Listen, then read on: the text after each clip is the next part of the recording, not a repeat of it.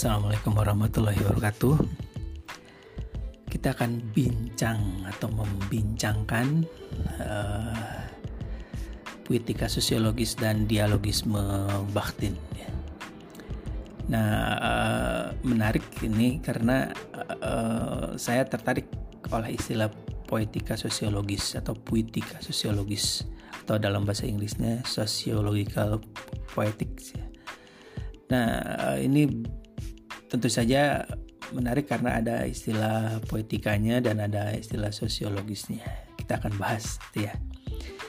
Nah, uh, seperti kita ketahui, merujuk pada berbagai uh, pendapat ahli sosiologi sastra bahwa karya sastra adalah dokumen sosial budaya yang bisa difungsikan sebagai sarana untuk melihat suatu fenomena dalam masyarakat.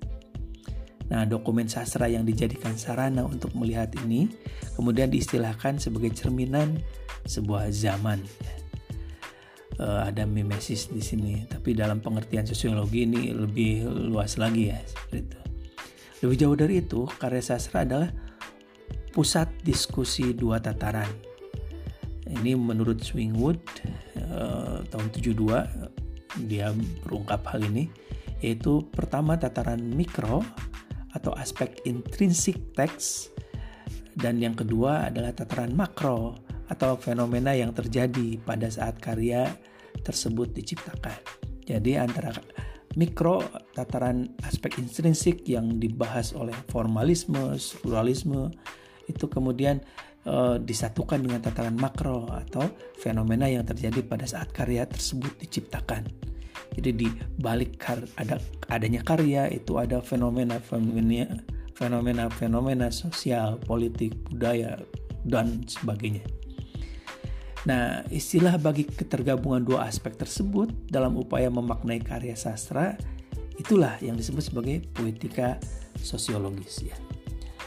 Walaupun pada awalnya sosiologi tidak menyarankan dirinya sebagai sebuah bentuk poetika, tapi saat sebuah sosiologi seni atau sosiologi sastra itu ada dan berhubungan dengan objek puitik.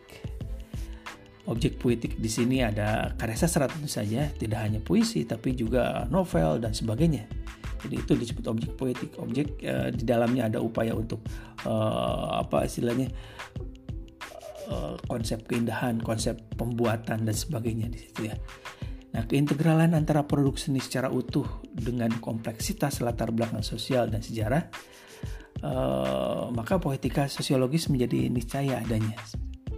Jadi, keintegralan antara produk seni secara utuh dengan kompleksitas latar belakang sosial dan sejarah itu yang membuat poetika sosiologis kemudian niscaya menurut Swingwood ya. Nah, karya-karya sastra misalnya karya sastra pasca reformasi misalnya sangat mungkin untuk uh, dilihat sebagai uh, apa bukti penerapan ya penerapan adanya politika sosiologis ini. Di sana ada uh, aspek intrinsiknya kemudian dihubungkan dengan aspek ekstrinsik kenapa muncul karya-karya seperti itu. Misal karya-karya Ayu Tami misalnya uh, Saman ya Saman itu muncul pada momen uh, pasca reformasi ini dan kemudian atau momen reformasi yang kemudian menjadi fenomena uh, uh, karena permasalahan reformasi di Indonesia. Jadi kekritisan-kekritisan yang ada secara intrinsik uh, itu kemudian dihubungkan dengan dengan apa ideologi, sejarah, uh, kenyataan sosial politik yang ada di di di luar teks itu seperti itu. Jadi ada konteks di sini ya. Nah, di situ tentu saja ada hubungannya dengan Orde Baru, kemudian Orde Reformasi, uh, bahkan di situ ada hubungannya dengan upaya-upaya emansipatoris gitu dari seorang uh, tokoh di dalam karya sastra itu, atau nanti hubungannya juga dengan pengarang seperti itu. Nah, bagi kaum formalis dan strukturalis, poetika hmm, terbentuk atau poetika adalah sebentuk teori sastra sains gitu ya. Hanya hanya seperti teori sastra aja, kemudian seperti sains saja yang uh, apa yang bisa diobjektifikasikan gitu.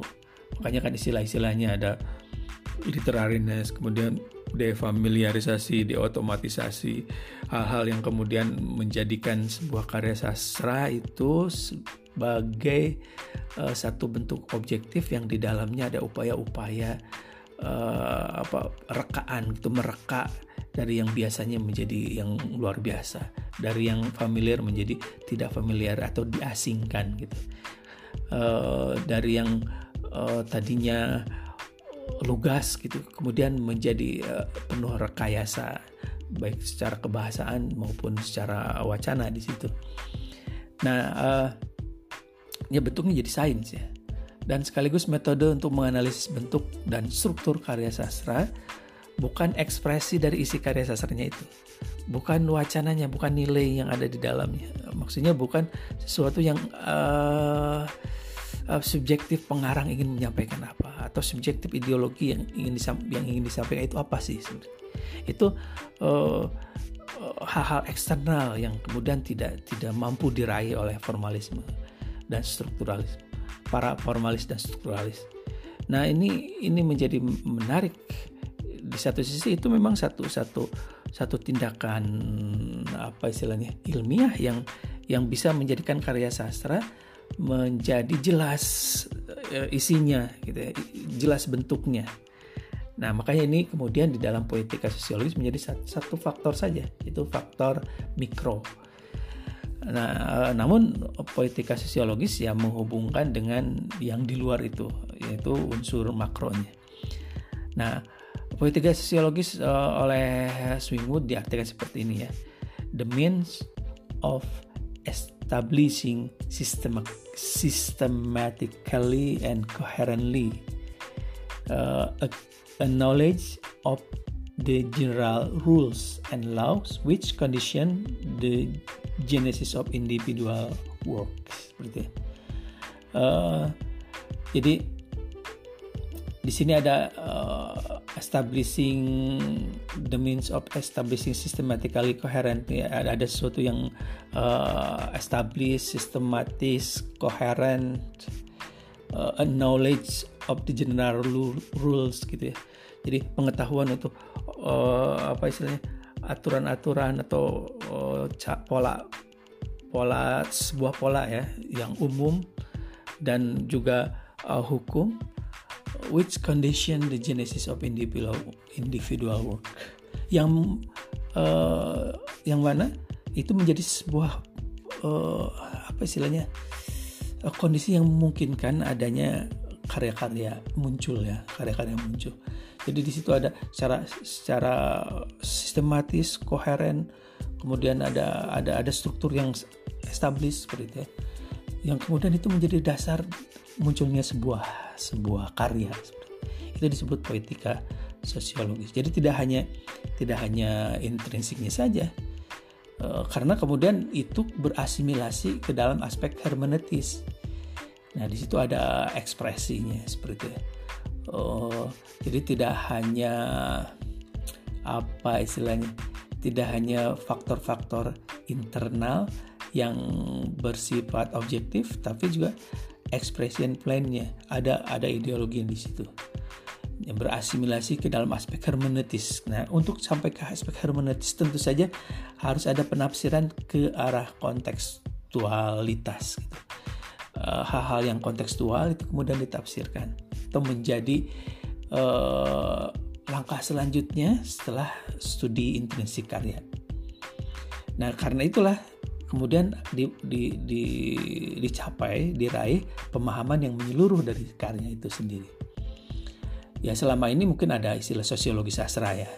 Ya memang itu ya sosiologi sastra tapi saya tertarik dengan poetika sosiologis ini karena tidak hanya masalah latar belakang sosiologisnya tapi dihubungkan ke ke intrinsiknya juga gitu jadi poetikanya ada gitu berbicara tentang kerja individualnya ada gitu. Nah itu poetika. Jadi di situ ada kerja estetis yang kemudian menjadi satu monumen bagi karya tertentu. Nah di situlah kemudian uh, baru dihubungkan ke ke secara harmonis ke wilayah konteks wilayah sosiologis seperti itu. Nah sementara sosiologi sastra kan uh, aspek sosiologisnya saja seperti itu. selama ini ya uh, seperti itu. Tapi kemudian nanti dikritik lagi, ditingkatkan lagi menjadi poetika sosiologis ini. Nah, uh, poetika sosiologis ini memang memiliki hubungan historis dengan teori Marxisme tentang seni. Dari sana eh, bisa disimpulkan bahwa seni mencerminkan pembangunan sosial sehingga nilai estetika bergantung pada determinisme kepentingan kelas dan ideologi politik. Nah, seperti kita ketahui memang teori Marxisme ini menjadi landasan, menjadi apa istilahnya? menjadi trigger ya bagi berbagai macam teori-teori sosial budaya. Karena itu, bila seni dan sastra didefinisikan sebagai komponen dari superstruktur, mereka adalah produk ideologi.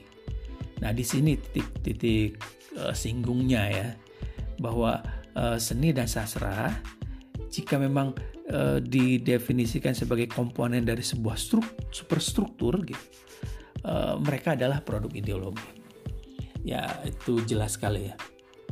Tapi kemudian uh, poetika sosiologis ini juga tidak melulu mengiyakan atau sepakat dengan teori dasar Marxisme itu. Makanya muncul uh, apa istilahnya pegiat-pegiat pemikir sastra dan budaya gitu. Salah satunya Mikhail Bakhtin itu. Ya, Michael Bakhtin kemudian mencoba menghapus dualisme epistemologis antara poetika formalis dengan sosiologi Marxis, Marxis tadi. Gitu. Jadi formalisme memang mendasari uh, pemikiran Bakhtin.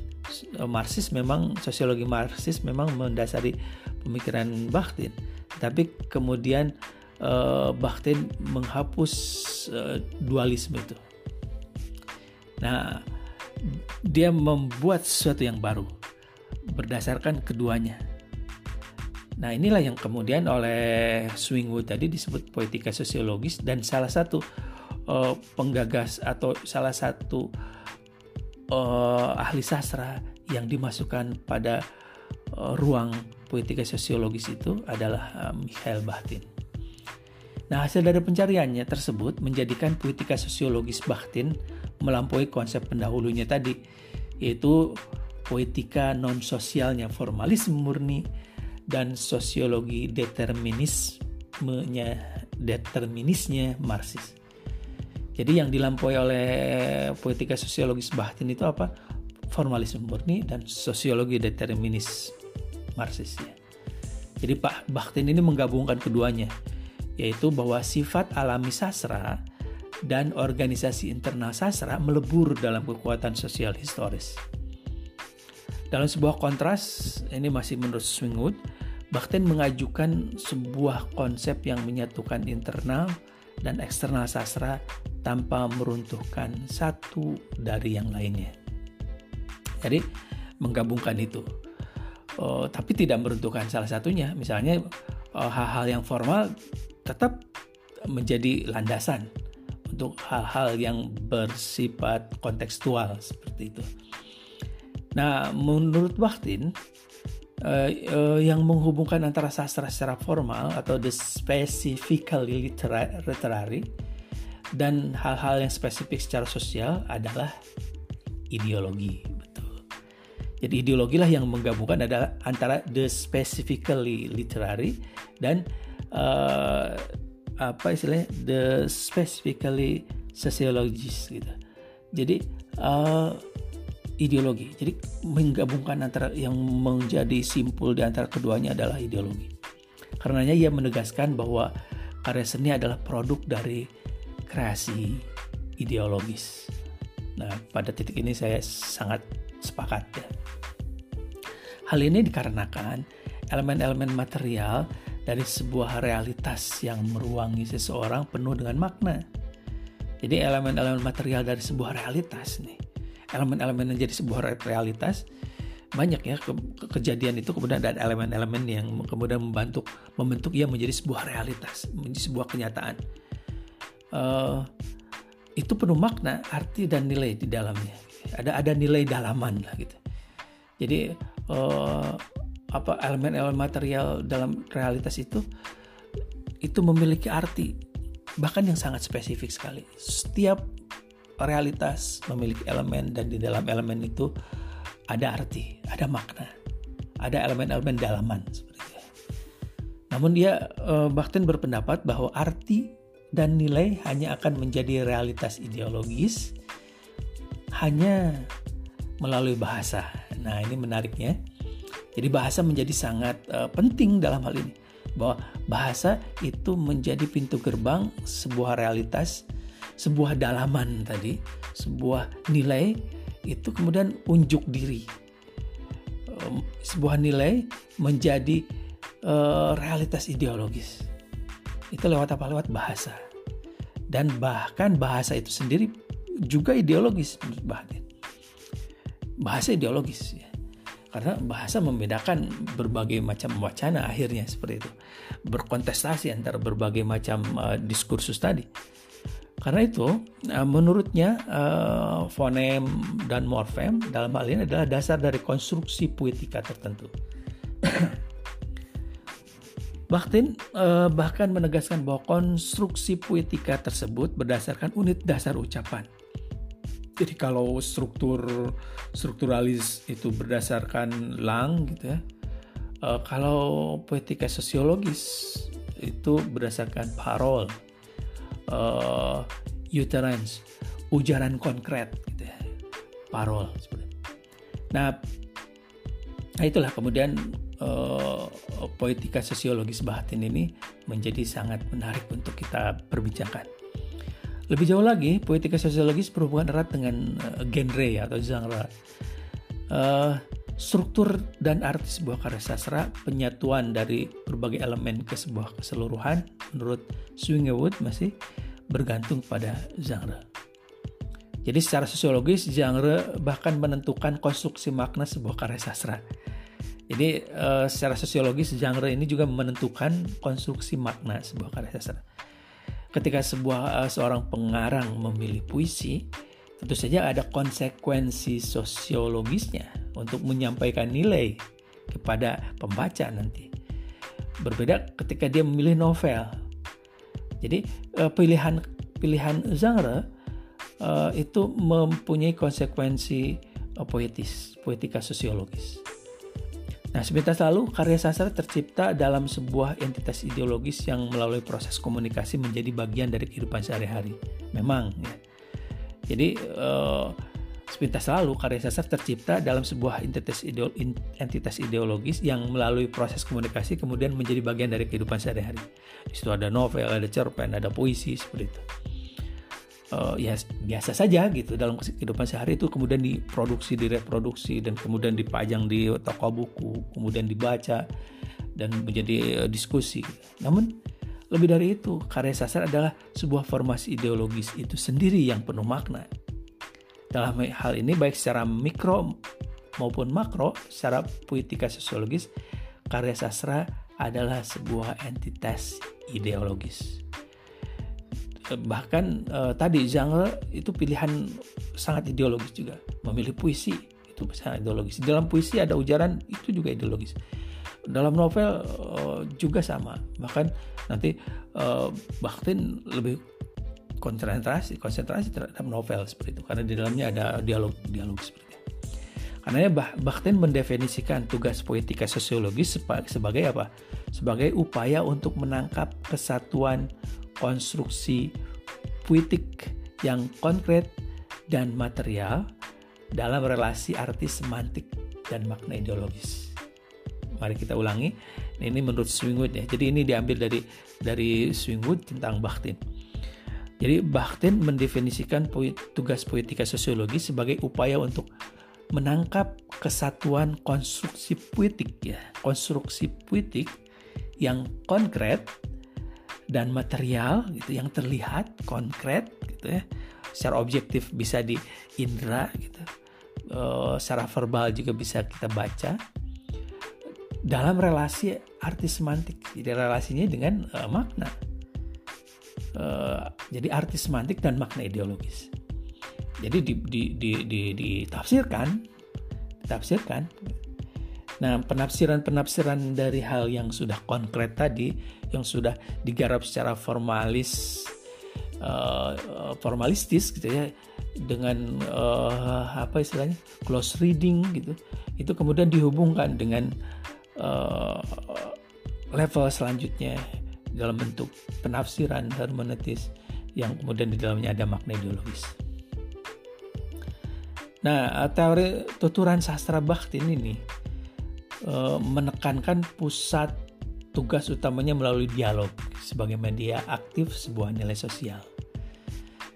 Nah, dalam hal ini parol atau tuturan tadi atau uh, ya tuturan lah ya.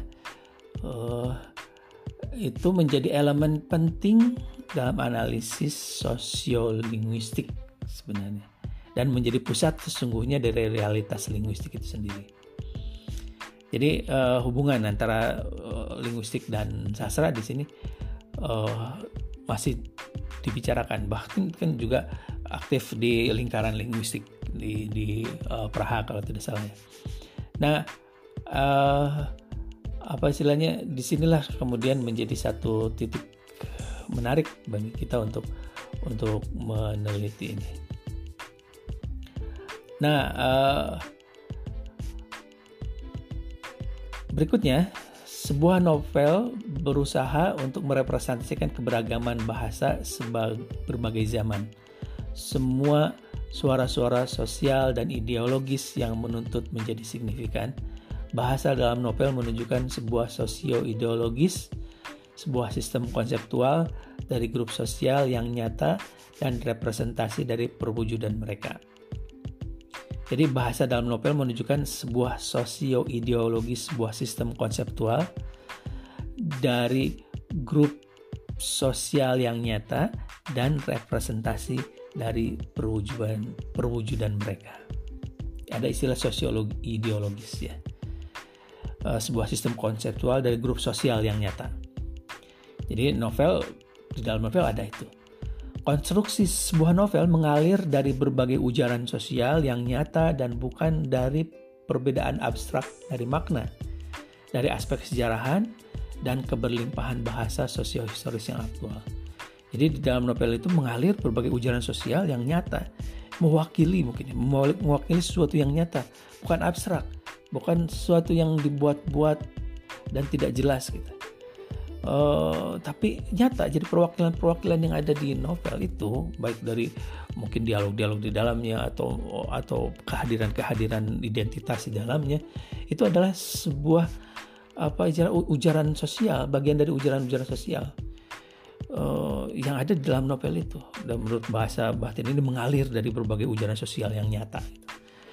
Nah ini Bakhtin yang mengungkapkan nah uh, menurut karenanya menurut teori-teori dialogis Bakhtin fiksi adalah bentuk spesifik dari ujaran yang di dalamnya terdapat fakta sosial yang terikat dengan komunitas manusia dan nilai manusia. Jadi fiksi adalah bentuk spesifik ya dari ujaran yang di dalamnya uh, terdapat fakta sosial yang terikat dengan komunitas manusia dan nilai manusia itu sendiri. Nah ini mungkin kemudian nanti yang akan dikembangkan lagi oleh New Historicism gitu ya. Uh, dalam hal ini, imajinasi dialogis terikat pada kebudayaan manusia itu sendiri sebagai sumber sebuah kondisi demokratis, terbuka, gagasan non-elitis, relasi manusia, dan perwujudan dari komunitas dalam ideologi budaya populer. Itu bahkan sampai ke ke arah sana gitu. Jadi bahwa ada ada ada keterbukaan gitu. Jadi uh, imajinasi ideologis ini apa lahir dari uh, terikat atau lahir dari atau terikat pada kebudayaan manusia itu sendiri. Kebudayaan kebudayaan manusia itu kan sebenarnya terbuka uh, sebagai sebuah sumber kondisi demokratis. Ya walaupun misalnya dalam kenyataannya uh, muncul dari sebuah represi-represi otoritarianisme misalnya di dalam sebuah uh, uh, negara kemudian muncul karya sastra nah ketika karya sastra itu melawan kekuasaan otoriter itu kemudian di dalamnya ada ada gagasan-gagasan yang muncul uh, dari atau yang dimunculkan melalui imajinasi dialogis tadi Nah, di dalamnya ada ada sebuah semangat keterbukaan, uh, relasi manusia yang non elitis tadi uh, dan sebagainya. Nah, dialogisme batin menawarkan praktis otoritas wacana.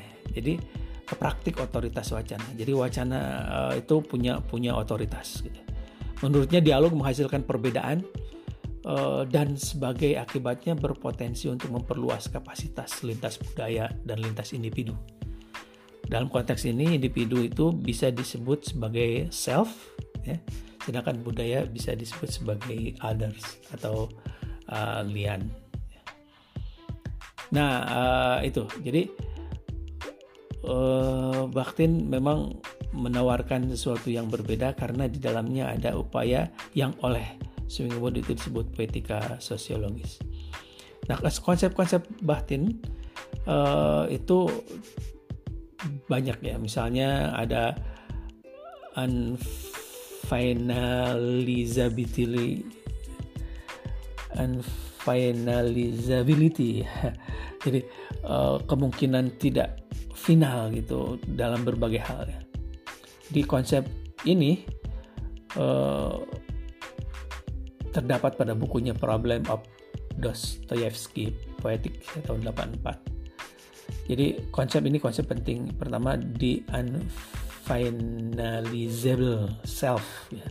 Sebuah konsep yang dimunculkan Bakhtin untuk menunjukkan posisi masyarakat individual yang tidak mungkin dipahami secara tuntas atau secara utuh. Tidak dapat diketahui secara menyeluruh ataupun dilabeli gitu. Selalu ada penundaan-penundaan.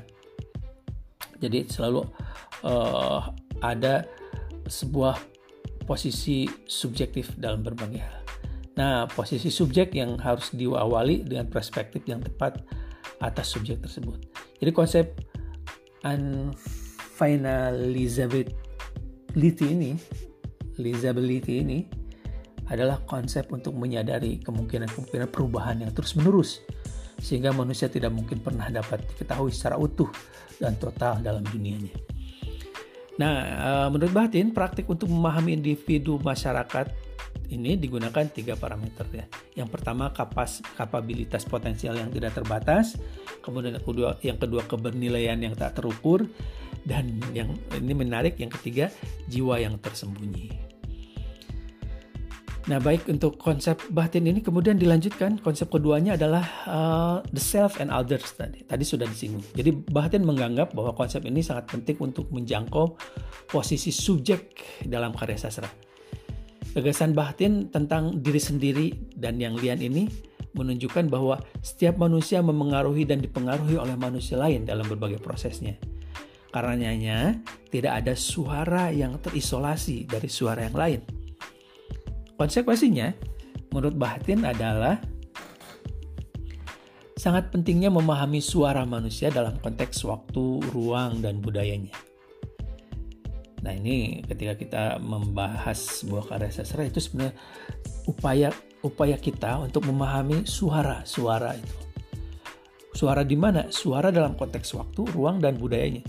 Ketika kita membaca ketika kita membaca karya sastra angkatan uh, revolusi misalnya di sana ada suara manusia dalam konteks revolusi dalam ruang revolusi dalam budaya yang terjadi uh, pada saat itu nah Bahatin menunjukkan konsep tentang berpengaruhnya orang lain di sini ya di others tadi jadi budaya berpengaruh sekali pada diri atau the self tadi bukan uh, hanya bagaimana seseorang menjadi dirinya tapi juga bagaimana seseorang berpikir dan memiliki kesadaran yang sesungguhnya terhadap dirinya sendiri. Nah itu dalam karya sastra kita bisa mempelajari itu. Makanya karya sastra menjadi satu hal yang sangat penting di dalam pembelajaran kebudayaan, eh, mental manusia seperti itu. Bahkan di dalam New Historicism nanti sastra menjadi sangat berbunyi dalam uh, historisitas ya. Jadi kesejarahan itu sangat penting diambil dari karya, karya sastra. Nah, konsep ketiga adalah tentang banyak suara atau polifoni. Bahkan menggunakan istilah polifoni untuk menunjukkan banyaknya suara yang berbicara dalam karya sastra. Suara-suara tersebut tidak hanya merepresentasikan diri individual pengarang, tapi juga suara-suara dari manusia lain.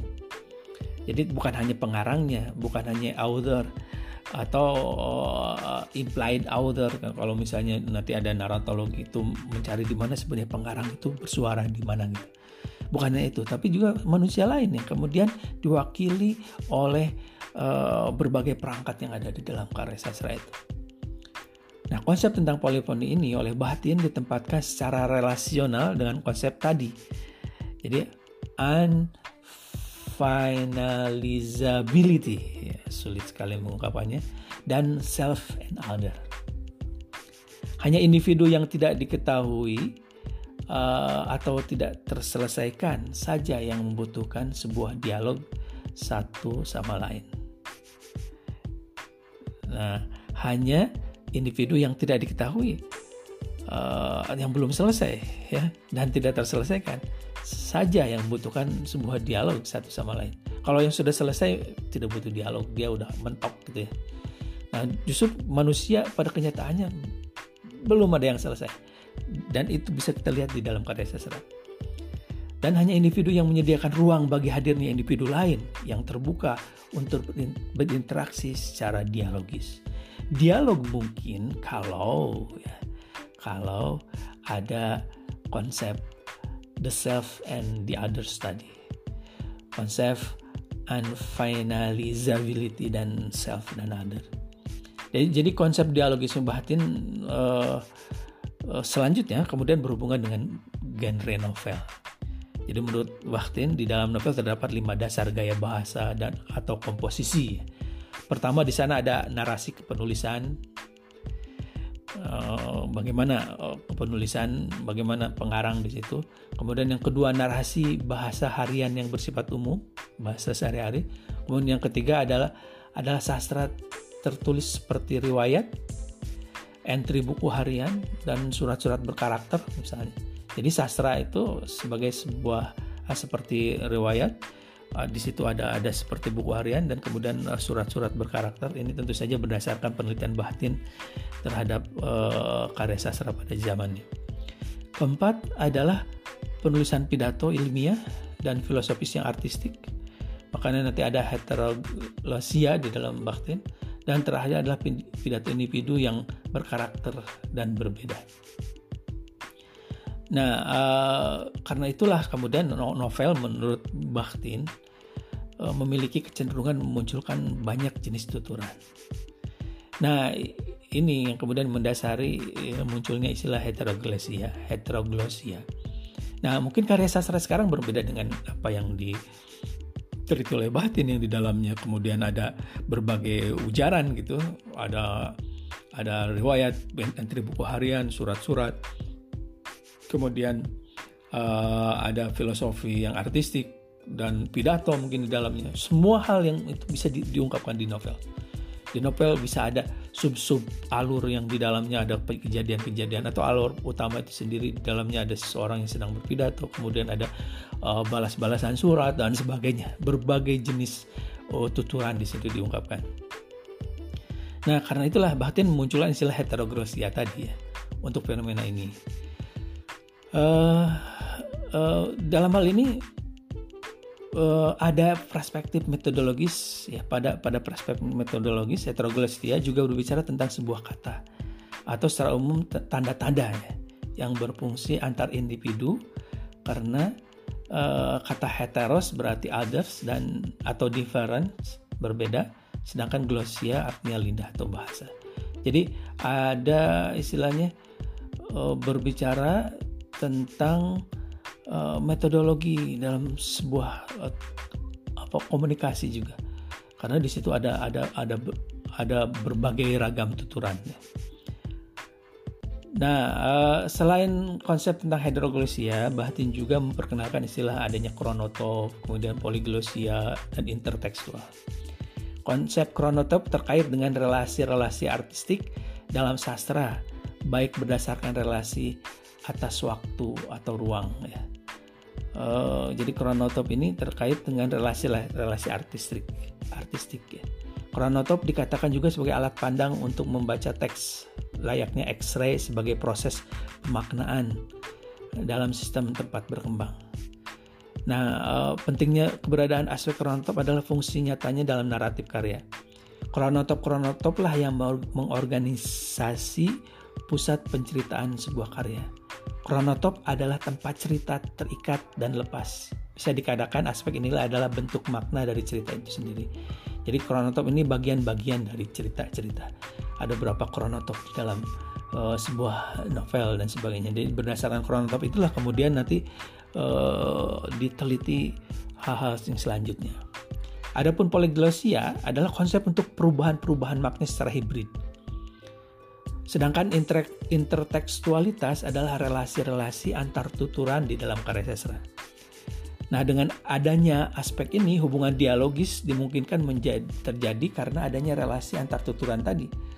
Ada ada interteks dari teks yang satu ke teks yang lain, dari teks yang ada di novel itu dengan teks yang di luar novel itu yang kemudian menjadi hipogram, menjadi sumber rujukannya. Dalam hal ini sebuah karya disebut dialogis bukan hanya memperlihatkan adanya relasi tuturan tadi, tetapi juga menghadirkan adanya hubungan interteks antar subjek di balik tuturan-tuturan itu. Ini menarik ya. Baktin menjadi satu uh, apa uh, ahli budaya dan ahli sastra yang kemudian sampai sekarang uh, uh, memiliki satu satu apa istilahnya legacy lah ya warisan ya, warisan yang luar biasa. Nah, konsep lain dari batin yang dijadikan alat analisis adalah berhubungan dengan karnival, karnival, kar, karnivalesk. Istilah tersebut berlandaskan sejarah panjang dari karya dalam genre satir Manevian kuno itu uh, apa penelitian batin ya. Dari sifat karnival inilah memungkinkan munculnya karya sastra model polifonik yang ditandai oleh narasi dan karakter suara yang dibebaskan untuk berbicara subversif atau mengejutkan. Jadi adanya ada keragaman gitu. Jadi yang disebut sebagai subversif dalam novel polifonik adalah banyaknya suara yang dibingkai dalam teks. Di dalamnya terdapat berbagai macam pandangan, wacana, ideologi yang tidak selalu sama, bahkan saling berbenturan, seperti halnya karn karnaval ya seperti itu. Nah itu uh, jadi diakhiri dengan karnivalis. Saja mungkin untuk untuk Bakhtin, uh, poetika sosiologi Bakhtin. Oh yang tadi saya ada, ada satu hal yang perlu diralat. Jadi uh, yang lingkaran uh, linguistik Praha itu Roman Jacobson ya bukan uh, Bakhtin. Ya baik itu saja uh, untuk poetika sosiologis. Kita bertemu uh, lagi dalam bincang berikutnya berhubungan dengan New Historicism. Terima kasih. Assalamualaikum warahmatullahi wabarakatuh.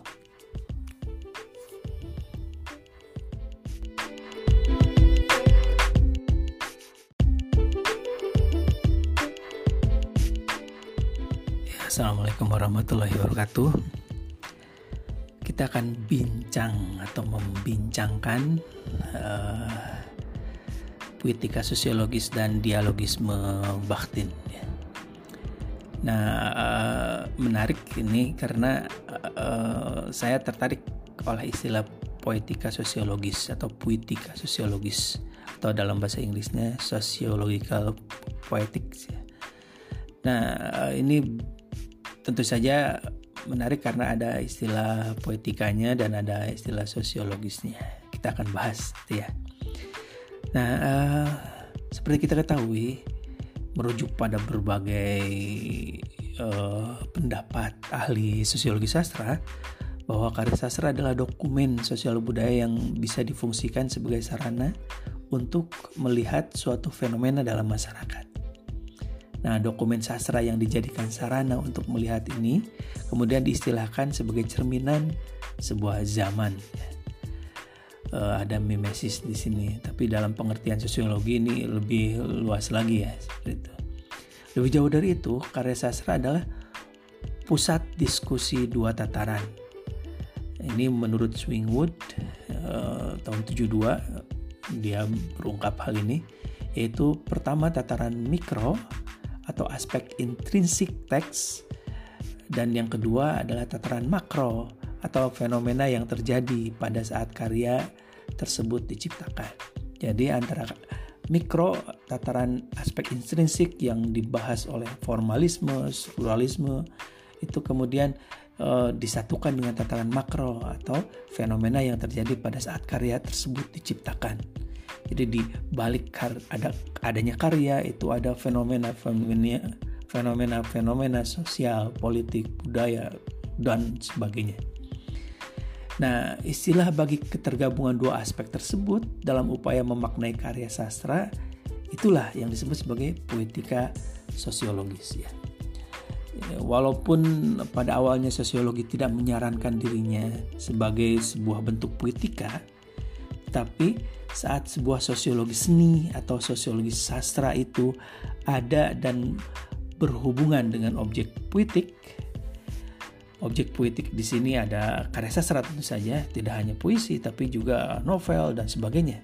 Jadi itu disebut objek poetik. Objek uh, di dalamnya ada upaya untuk uh, apa istilahnya uh, konsep keindahan, konsep pembuatan dan sebagainya di situ ya.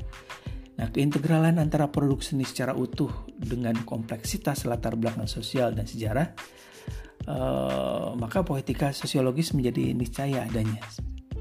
Jadi keintegralan antara produk seni secara utuh dengan kompleksitas latar belakang sosial dan sejarah itu yang membuat poetika sosiologis kemudian niscaya menurut Swingwood ya.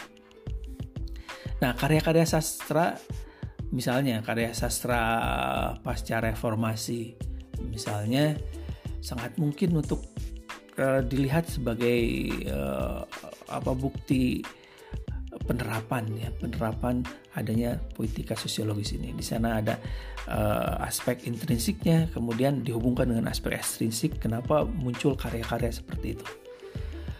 Misal uh, karya-karya Ayu Tami misalnya uh, Saman ya. Saman itu muncul pada momen uh, pasca reformasi ini.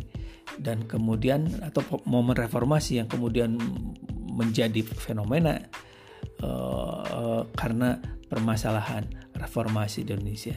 Jadi kekritisan-kekritisan yang ada secara intrinsik uh, itu kemudian dihubungkan dengan dengan apa ideologi, sejarah, uh, kenyataan sosial politik yang ada di di di luar teks itu seperti itu.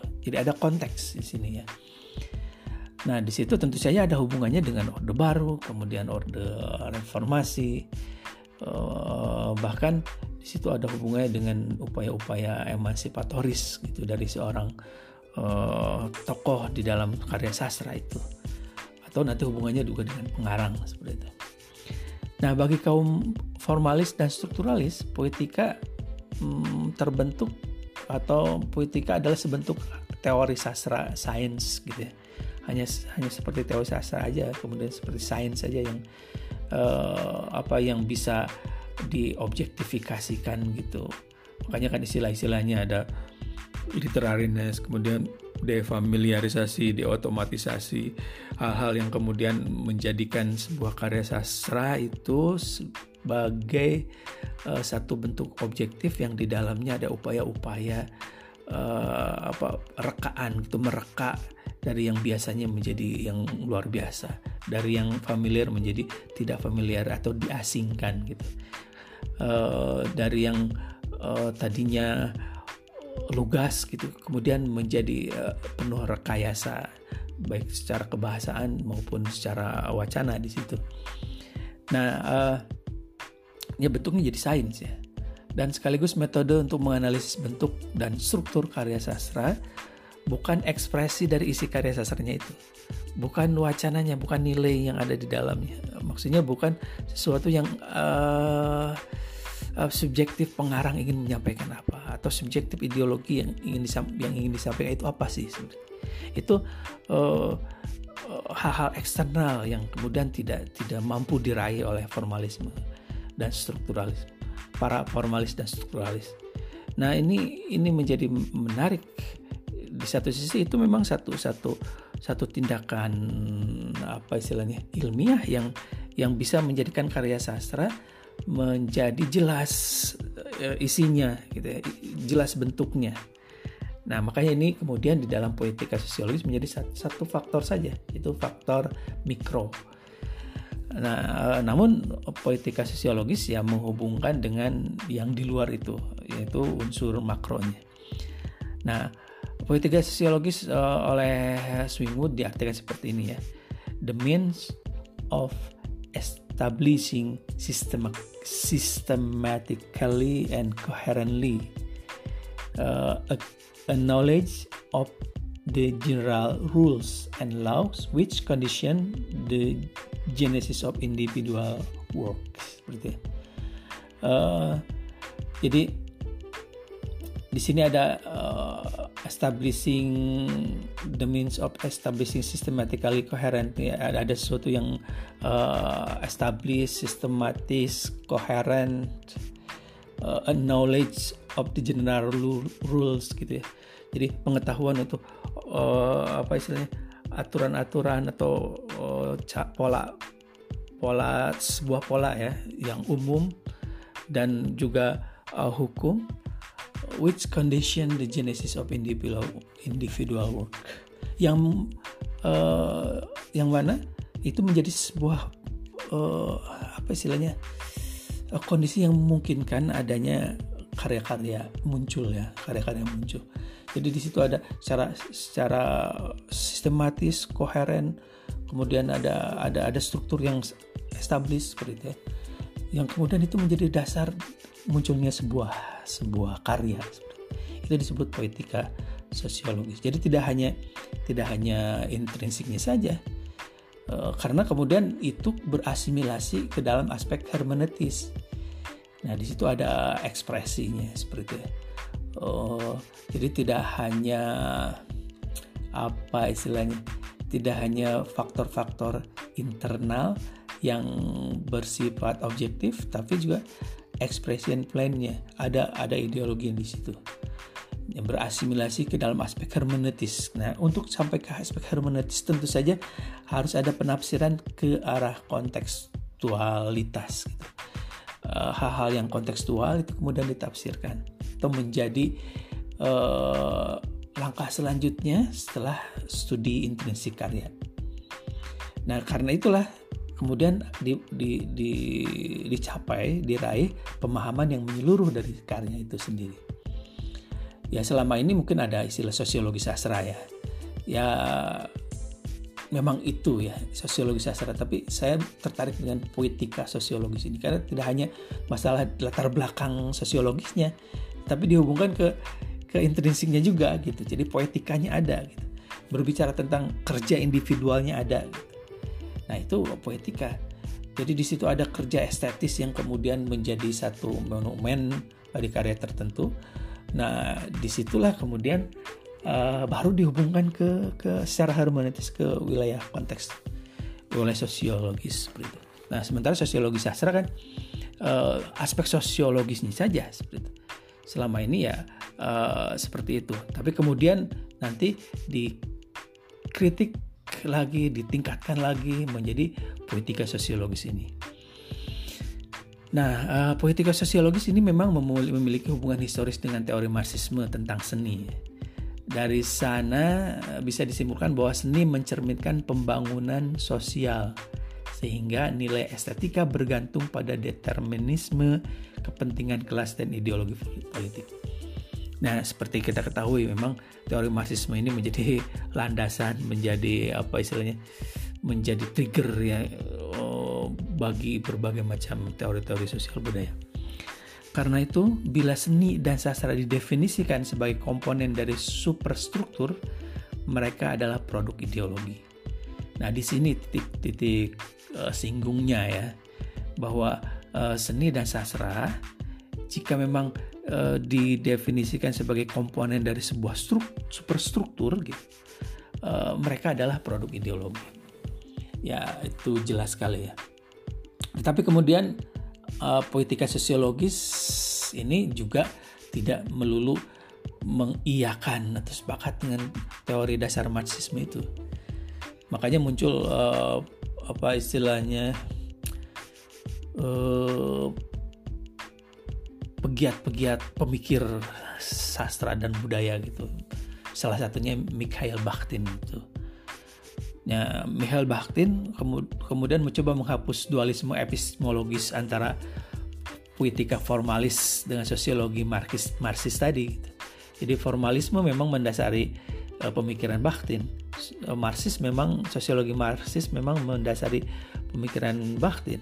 Tapi kemudian uh, Bakhtin menghapus uh, dualisme itu. Nah, dia membuat sesuatu yang baru berdasarkan keduanya. Nah, inilah yang kemudian oleh Swingwood tadi disebut poetika sosiologis dan salah satu uh, penggagas atau salah satu uh, ahli sastra yang dimasukkan pada uh, ruang poetika sosiologis itu adalah uh, Mikhail Bakhtin. Nah, hasil dari pencariannya tersebut menjadikan poetika sosiologis Bakhtin melampaui konsep pendahulunya tadi, yaitu poetika non-sosialnya formalisme murni dan sosiologi determinismenya determinisnya Marxis. Jadi yang dilampaui oleh poetika sosiologis Bakhtin itu apa? Formalisme murni dan sosiologi determinis Marxis. Jadi Pak Bakhtin ini menggabungkan keduanya, yaitu bahwa sifat alami sastra dan organisasi internal sastra melebur dalam kekuatan sosial historis. Dalam sebuah kontras, ini masih menurut Swingwood, Bakhtin mengajukan sebuah konsep yang menyatukan internal dan eksternal sastra tanpa meruntuhkan satu dari yang lainnya. Jadi menggabungkan itu, uh, tapi tidak meruntuhkan salah satunya. Misalnya uh, hal-hal yang formal tetap menjadi landasan untuk hal-hal yang bersifat kontekstual seperti itu. Nah, menurut Bakhtin, uh, uh, yang menghubungkan antara sastra secara formal atau the specifically literary dan hal-hal yang spesifik secara sosial adalah ideologi. Betul. Jadi ideologi lah yang menggabungkan adalah antara the specifically literary dan uh, apa istilahnya the specifically sociologist gitu. Jadi uh, ideologi. Jadi menggabungkan antara yang menjadi simpul di antara keduanya adalah ideologi. Karenanya ia menegaskan bahwa karya seni adalah produk dari kreasi ideologis. Nah, pada titik ini saya sangat sepakat ya. Hal ini dikarenakan elemen-elemen material dari sebuah realitas yang meruangi seseorang penuh dengan makna. Jadi elemen-elemen material dari sebuah realitas nih elemen-elemen yang jadi sebuah realitas banyak ya ke kejadian itu kemudian ada elemen-elemen yang kemudian membantu membentuk ia menjadi sebuah realitas menjadi sebuah kenyataan. Uh, itu penuh makna arti dan nilai di dalamnya. Ada ada nilai dalaman lah gitu. Jadi uh, apa elemen-elemen material dalam realitas itu itu memiliki arti bahkan yang sangat spesifik sekali setiap realitas memiliki elemen dan di dalam elemen itu ada arti, ada makna, ada elemen-elemen dalaman seperti itu. Namun dia eh, berpendapat bahwa arti dan nilai hanya akan menjadi realitas ideologis hanya melalui bahasa. Nah, ini menariknya. Jadi bahasa menjadi sangat uh, penting dalam hal ini. Bahwa bahasa itu menjadi pintu gerbang sebuah realitas sebuah dalaman tadi, sebuah nilai itu kemudian unjuk diri. Sebuah nilai menjadi uh, realitas ideologis. Itu lewat apa? Lewat bahasa. Dan bahkan bahasa itu sendiri juga ideologis Bahkan. Bahasa ideologis ya. Karena bahasa membedakan berbagai macam wacana akhirnya seperti itu. Berkontestasi antara berbagai macam uh, diskursus tadi karena itu, eh, menurutnya uh, fonem dan morfem dalam hal ini adalah dasar dari konstruksi poetika tertentu. Bakhtin uh, bahkan menegaskan bahwa konstruksi poetika tersebut berdasarkan unit dasar ucapan. Jadi kalau struktur strukturalis itu berdasarkan lang gitu ya. Uh, kalau poetika sosiologis itu berdasarkan parol uh, utterance, ujaran konkret, gitu ya. parol. Nah, nah itulah kemudian uh, poetika sosiologis batin ini menjadi sangat menarik untuk kita perbincangkan. Lebih jauh lagi, poetika sosiologis berhubungan erat dengan uh, genre ya, atau genre. Uh, struktur dan arti sebuah karya sastra, penyatuan dari berbagai elemen ke sebuah keseluruhan, menurut Swingewood masih bergantung pada genre. Jadi secara sosiologis, genre bahkan menentukan konstruksi makna sebuah karya sastra. Jadi uh, secara sosiologis, genre ini juga menentukan konstruksi makna sebuah karya sastra ketika sebuah uh, seorang pengarang memilih puisi, tentu saja ada konsekuensi sosiologisnya untuk menyampaikan nilai kepada pembaca nanti. Berbeda ketika dia memilih novel. Jadi uh, pilihan pilihan genre uh, itu mempunyai konsekuensi uh, poetis, poetika sosiologis. Nah, sebentar lalu karya sastra tercipta dalam sebuah entitas ideologis yang melalui proses komunikasi menjadi bagian dari kehidupan sehari-hari. Memang, ya. Jadi uh, sebentar lalu karya sastra tercipta dalam sebuah entitas, ideo, entitas ideologis yang melalui proses komunikasi kemudian menjadi bagian dari kehidupan sehari-hari. Di situ ada novel, ada cerpen, ada puisi seperti itu uh, ya biasa saja gitu dalam kehidupan sehari itu kemudian diproduksi direproduksi dan kemudian dipajang di toko buku kemudian dibaca dan menjadi uh, diskusi. Namun lebih dari itu karya sastra adalah sebuah formasi ideologis itu sendiri yang penuh makna. Dalam hal ini baik secara mikro maupun makro secara poetika sosiologis karya sastra adalah sebuah entitas ideologis bahkan uh, tadi genre itu pilihan sangat ideologis juga. Memilih puisi itu sangat ideologis. Dalam puisi ada ujaran itu juga ideologis. Dalam novel uh, juga sama. Bahkan nanti uh, Bakhtin lebih konsentrasi konsentrasi terhadap novel seperti itu. Karena di dalamnya ada dialog dialog seperti itu. Karena Bakhtin mendefinisikan tugas poetika sosiologis sebagai apa? Sebagai upaya untuk menangkap kesatuan konstruksi puitik yang konkret dan material dalam relasi arti semantik dan makna ideologis. Mari kita ulangi. Ini menurut Swingwood ya. Jadi ini diambil dari dari Swingwood tentang Bakhtin. Jadi Bakhtin mendefinisikan tugas poetika sosiologi sebagai upaya untuk menangkap kesatuan konstruksi puitik ya, konstruksi puitik yang konkret dan material gitu yang terlihat konkret gitu ya. Secara objektif bisa di indera gitu. Uh, secara verbal juga bisa kita baca. Dalam relasi arti semantik jadi relasinya dengan uh, makna. Uh, jadi arti semantik dan makna ideologis. Jadi di, di, di, di, ditafsirkan ditafsirkan Nah, penafsiran-penafsiran dari hal yang sudah konkret tadi, yang sudah digarap secara formalis, uh, formalistis gitu ya, dengan uh, apa istilahnya close reading gitu, itu kemudian dihubungkan dengan uh, level selanjutnya dalam bentuk penafsiran hermeneutis yang kemudian di dalamnya ada makna ideologis. Nah, teori tuturan sastra Bakhtin ini Eh, menekankan pusat tugas utamanya melalui dialog sebagai media aktif sebuah nilai sosial.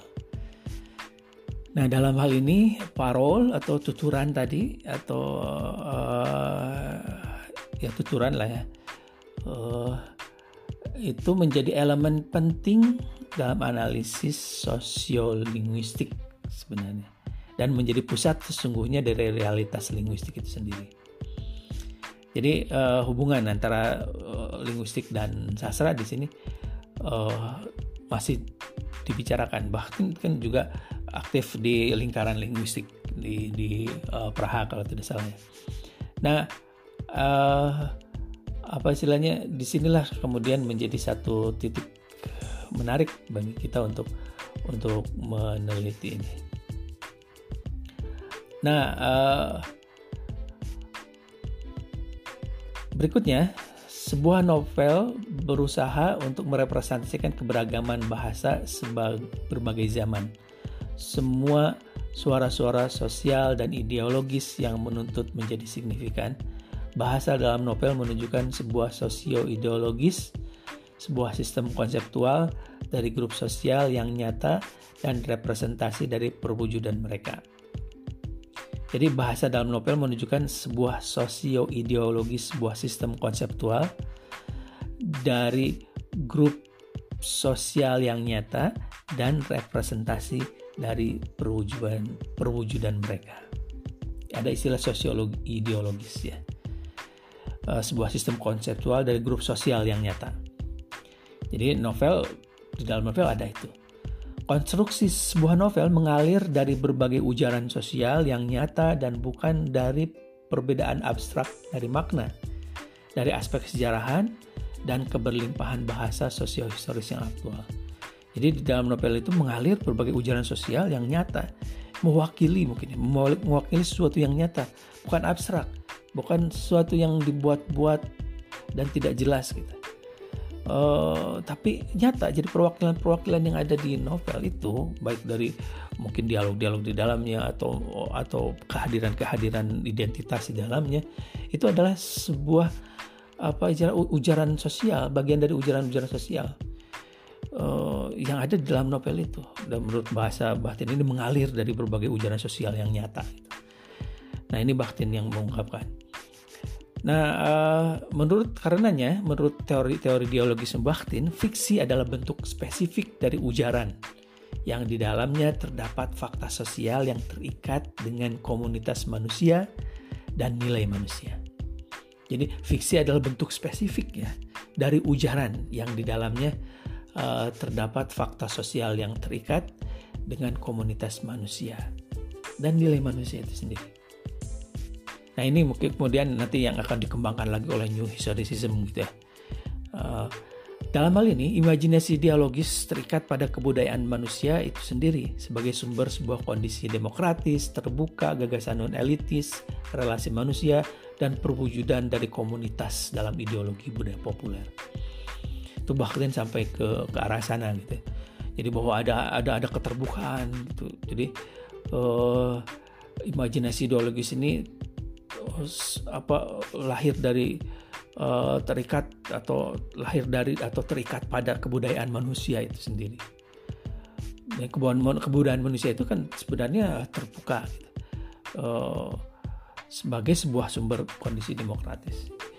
Ya walaupun misalnya dalam kenyataannya uh, muncul dari sebuah represi-represi otoritarianisme misalnya di dalam sebuah uh, uh, negara, kemudian muncul karya sastra, Nah, ketika karya sastra itu melawan kekuasaan otoriter itu, kemudian di dalamnya ada ada gagasan-gagasan yang muncul uh, dari atau yang dimunculkan melalui imajinasi dialogis tadi. Nah, di dalamnya ada ada sebuah semangat keterbukaan uh, relasi manusia yang non elitis tadi uh, dan sebagainya. Nah, dialogis Bakhtin menawarkan praktis otoritas wacana. Jadi praktik otoritas wacana. Jadi wacana uh, itu punya punya otoritas. Gitu. Menurutnya dialog menghasilkan perbedaan uh, dan sebagai akibatnya berpotensi untuk memperluas kapasitas lintas budaya dan lintas individu.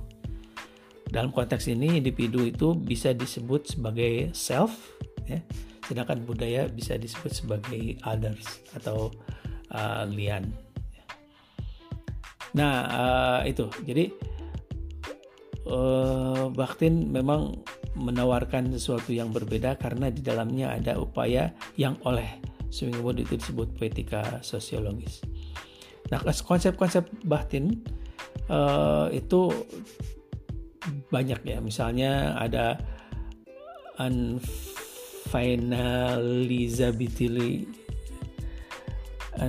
unfinalizability jadi uh, kemungkinan tidak final gitu dalam berbagai hal ya. Di konsep ini uh, terdapat pada bukunya Problem of Dostoyevsky Poetic tahun 84 jadi konsep ini konsep penting. Pertama di unfinalizable self ya sebuah konsep yang dimunculkan Bakhtin untuk menunjukkan posisi masyarakat individual yang tidak mungkin dipahami secara tuntas atau secara utuh, tidak dapat diketahui secara menyeluruh ataupun dilabeli. Gitu. Selalu ada penundaan-penundaan. Jadi selalu uh, ada sebuah posisi subjektif dalam berbagai hal. Nah, posisi subjek yang harus diawali dengan perspektif yang tepat atas subjek tersebut. Jadi konsep unfinalizability ini, lisability ini adalah konsep untuk menyadari kemungkinan-kemungkinan perubahan yang terus-menerus sehingga manusia tidak mungkin pernah dapat diketahui secara utuh dan total dalam dunianya. Nah, eh, menurut Batin, praktik untuk memahami individu masyarakat ini digunakan tiga parameter ya. Yang pertama kapas kapabilitas potensial yang tidak terbatas, kemudian yang kedua yang kedua kebernilaian yang tak terukur dan yang ini menarik yang ketiga jiwa yang tersembunyi. Nah, baik untuk konsep batin ini kemudian dilanjutkan konsep keduanya adalah uh, the self and others tadi. Tadi sudah disinggung. Jadi batin menganggap bahwa konsep ini sangat penting untuk menjangkau posisi subjek dalam karya sastra. Gagasan batin tentang diri sendiri dan yang lian ini menunjukkan bahwa setiap manusia memengaruhi dan dipengaruhi oleh manusia lain dalam berbagai prosesnya. Karenanya, tidak ada suara yang terisolasi dari suara yang lain Konsekuensinya, menurut Bahatin adalah sangat pentingnya memahami suara manusia dalam konteks waktu, ruang, dan budayanya. Nah ini ketika kita membahas sebuah karya sastra itu sebenarnya upaya upaya kita untuk memahami suara-suara itu. Suara di mana? Suara dalam konteks waktu, ruang, dan budayanya. Ketika kita membaca ketika kita membaca karya sastra angkatan uh, revolusi misalnya di sana ada suara manusia dalam konteks revolusi dalam ruang revolusi dalam budaya yang terjadi uh, pada saat itu Nah, Bahatin menunjukkan konsep tentang berpengaruhnya orang lain di sini ya di others tadi. Jadi budaya berpengaruh sekali pada diri atau the self tadi. Bukan uh, hanya bagaimana seseorang menjadi dirinya, tapi juga bagaimana seseorang berpikir dan memiliki kesadaran yang sesungguhnya terhadap dirinya sendiri. Nah itu dalam karya sastra kita bisa mempelajari itu. Makanya karya sastra menjadi satu hal yang sangat penting di dalam pembelajaran kebudayaan, eh, mental manusia seperti itu. Bahkan di dalam New Historicism nanti sastra menjadi sangat berbunyi dalam uh, histori historisitas ya. Jadi kesejarahan itu sangat penting diambil dari karya, karya sastra. Nah, konsep ketiga adalah tentang banyak suara atau polifoni. Bahkan menggunakan istilah polifoni untuk menunjukkan banyaknya suara yang berbicara dalam karya sastra. Suara-suara tersebut tidak hanya merepresentasikan diri individual pengarang, tapi juga suara-suara dari manusia lain. Jadi bukan hanya pengarangnya, bukan hanya author atau uh, implied author kalau misalnya nanti ada naratologi itu mencari di mana sebenarnya pengarang itu bersuara di mana gitu bukan hanya itu tapi juga manusia lain yang kemudian diwakili oleh uh, berbagai perangkat yang ada di dalam karya sastra itu. Nah, konsep tentang polifoni ini oleh Batin ditempatkan secara relasional dengan konsep tadi. Jadi, unfinalizability, ya, sulit sekali mengungkapannya, dan self and other. Hanya individu yang tidak diketahui uh, atau tidak terselesaikan saja yang membutuhkan sebuah dialog satu sama lain. Nah, hanya individu yang tidak diketahui, uh, yang belum selesai, ya, dan tidak terselesaikan saja yang membutuhkan sebuah dialog satu sama lain. Kalau yang sudah selesai tidak butuh dialog, dia udah mentok gitu ya.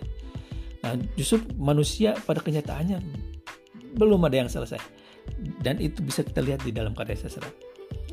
Dan hanya individu yang menyediakan ruang bagi hadirnya individu lain yang terbuka untuk berinteraksi secara dialogis.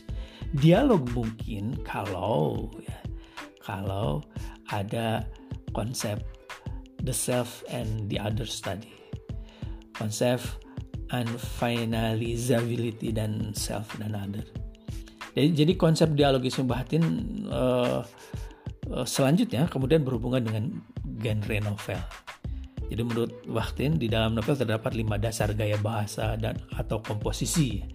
Pertama di sana ada narasi kepenulisan, uh, bagaimana uh, penulisan, bagaimana pengarang di situ. Kemudian yang kedua narasi bahasa harian yang bersifat umum, bahasa sehari-hari. Kemudian yang ketiga adalah adalah sastra tertulis seperti riwayat, entry buku harian dan surat-surat berkarakter misalnya. Jadi sastra itu sebagai sebuah seperti riwayat di situ ada ada seperti buku harian dan kemudian uh, surat-surat berkarakter ini tentu saja berdasarkan penelitian batin terhadap uh, karya sastra pada zamannya. Keempat adalah penulisan pidato ilmiah dan filosofis yang artistik. Makanya nanti ada heteroglosia di dalam batin dan terakhir adalah pidato individu yang berkarakter dan berbeda. Nah, uh, karena itulah kemudian novel menurut Bakhtin uh, memiliki kecenderungan memunculkan banyak jenis tuturan. Nah, ini yang kemudian mendasari uh, munculnya istilah heteroglosia, heteroglosia. Nah, mungkin karya sastra sekarang berbeda dengan apa yang diteliti oleh Bakhtin yang di dalamnya kemudian ada berbagai ujaran gitu, ada ada riwayat, entry buku harian, surat-surat, kemudian uh, ada filosofi yang artistik dan pidato mungkin di dalamnya. Semua hal yang itu bisa di, diungkapkan di novel.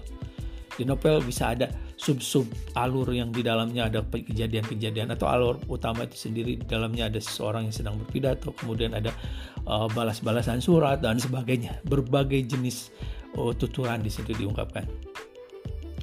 Nah, karena itulah bahkan muncullah istilah heterogrosia tadi ya untuk fenomena ini uh, uh, dalam hal ini uh, ada perspektif metodologis ya pada pada perspektif metodologis heteroglossia juga berbicara tentang sebuah kata atau secara umum tanda-tanda ya, yang berfungsi antar individu karena uh, kata heteros berarti others dan atau different berbeda sedangkan glossia artinya lidah atau bahasa.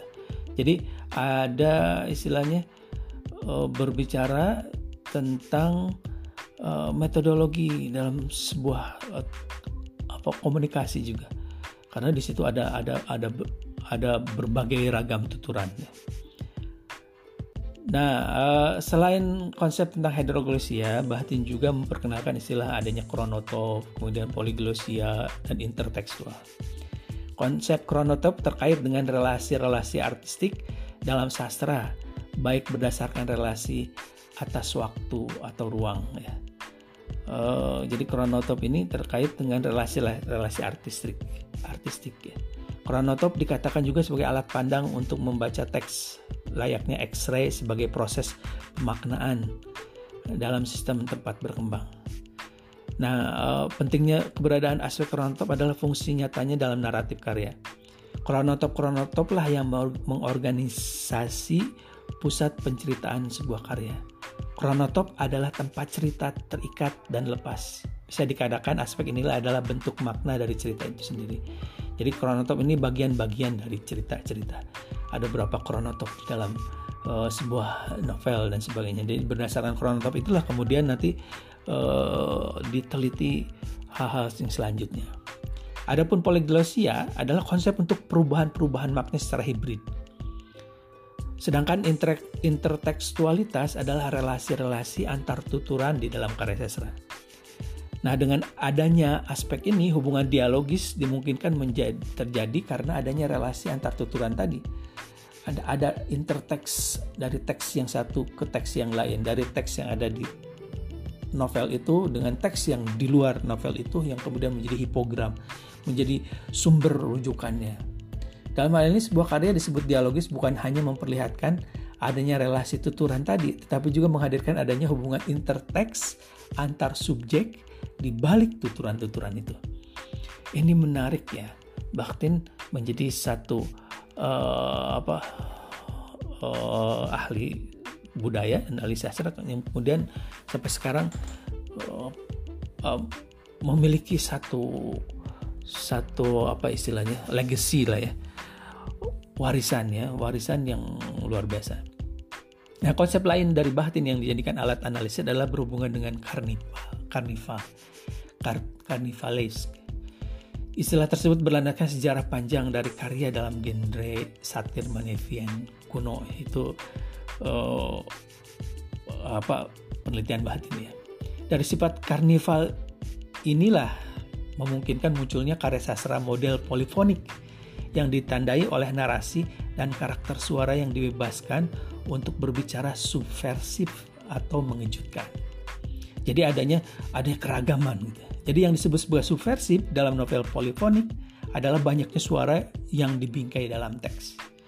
Di dalamnya terdapat berbagai macam pandangan, wacana, ideologi yang tidak selalu sama, bahkan saling berbenturan, seperti halnya karn karnaval ya seperti itu. Nah itu, uh, jadi diakhiri dengan karnivalis. Saja mungkin untuk untuk Bakhtin, uh, poetika sosiologi Bakhtin. Oh yang tadi saya ada, ada satu hal yang perlu diralat. Jadi uh, yang lingkaran uh, linguistik Praha itu Roman Jacobson ya bukan uh, Bakhtin.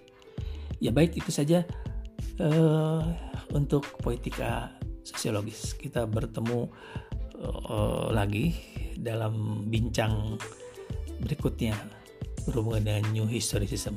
Terima kasih. Assalamualaikum warahmatullahi wabarakatuh.